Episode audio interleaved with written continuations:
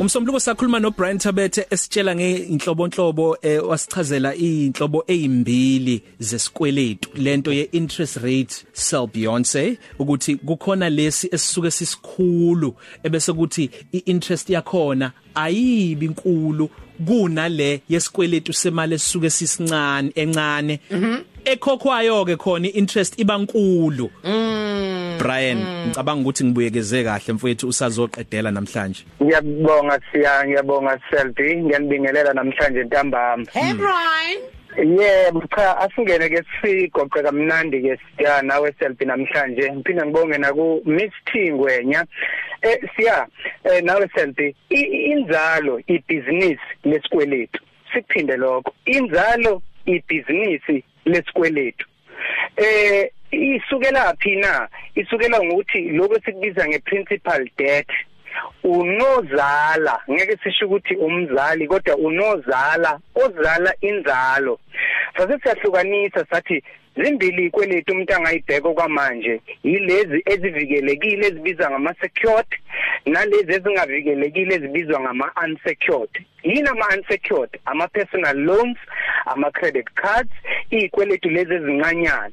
Sase sithi ubungozi lokho sikubiza ngesilungu i-risk kuzona zombili lezi inhlobo kuningi kwizikweletu ezi unsecured ngoba yikho i-collateral lokho sikubiza ngesibambiso.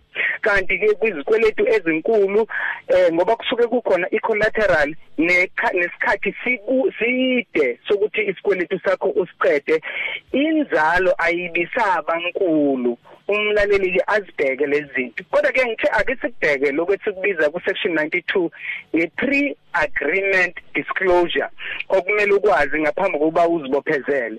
Buza lembuzo kuzokuthatha isikhathi esingakanani ukuthi usiqede lesi sikweletu esincane noma esikhulu?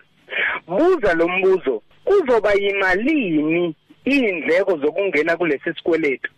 Eh siya nawe selfie ngihlabe kumcwele ukuthi imibuzo engiyitholayo ebantwini iphusile futhi ijulile.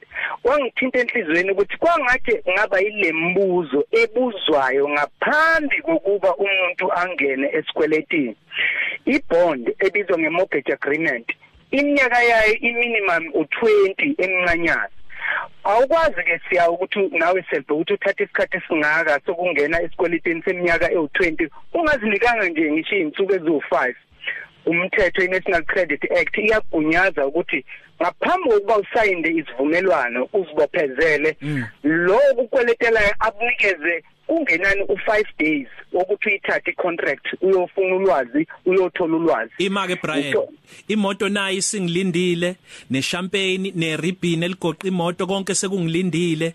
Nanga usisi waka finance lapha eh, kwi dealership usengishila ubhuti noma usisi ongidayisela imoto. Uthi nginali ilungelo lokuthi ngithathe icontract ngihambe nayo ngiyoyifunda izinsuku okungenani ezinhlanu eziwu5 lokhu kubizwa nge-pre um, agreement disclosure kodwa i-pre quotation leyo iba i-contract impela yona lo suku uzoyisayina. Umthetho uyagunyaza um, inhlongo nawe mkhize ukuthi ithathe uhambe nayo ngoba eh, siya mawuzoye eholidini kukuthatha isikhathi ukuthi uhlele uliplane kahle. La uzobuhlele esikweletini noma ngabe kuthiwa sincane i-cellphone contract ka24 months zinikeza isikhathi. Okungenani izinsuku zibe ntathu uyibheke uyicubungule ubuze ubuzisise ungajahi ukuze uthathe izinqumo eziphusile. Hayi yazwakala Brian. Uqedile mfowethu? Yeah. Cha ngithi ke mhlambe next week siya ngoba baningi abantu eh, nawe selbe abangibuzayo ngesikweletu ususemshadweni ngesikweletu ungakangeni emshadweni nokuthi uthini umthetho. Soke singene sigcile lapho. Kodwa ke mawufuna ukuthi uthole ulwazi kabanzi ngohlobo lesikweletu okusona esincane esikhulu esinobungozi kakhulu njengoba sisincane ngithinte ngiyatholakala laphana e- endaweni yethu yokuxhumana kwingosi yethu u083 623 1391 inamba ka WhatsApp leyo eh ungathathi isinqumo esigijimayo ngoba usokuphuthuma zinikeze isikhathi.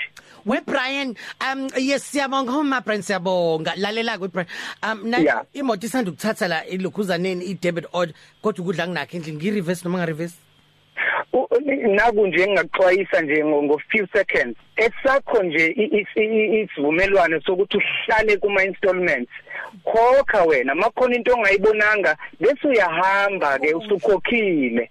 Buyele emuva usukhokhile usuthi kodwa kwakuyinsuku ngahlephula lana bese niyaxoxisana bese niyaxoxisana nomtshelekisi kodwa nje umlaleli angalinga lisebenzisele lithuba ngokuthi kuyaziwa ukuthi national lockdown Yes. abesethi ngeke uyazi ukukhokha. Bafowethu ama credit bureaus awavalile. As manje nje wa defaulter suyaqala uyalistwa ama charges ayangena ngiyanxusa ngiyanxusa. Ake siziphathe kahle bakwethu eh, ake siwagcina amalungelo ethu kodwa nabasiboleka imali ake siwagcine namalungelo abo. Izaba zokuthi bekuyi national lockdown zilula kakhulu Sure. futhi ziyazithunaza isithunzi isithunzi sakho. Bye brian. Ungakhulu Brian. Ngibonga kakhulu eh, ngibonga nokumlaleli khokha akukho reverse isikweletu sakho uzodla imfino yembola Positive Cafe. Ilunch yakho ayifani neyizolo.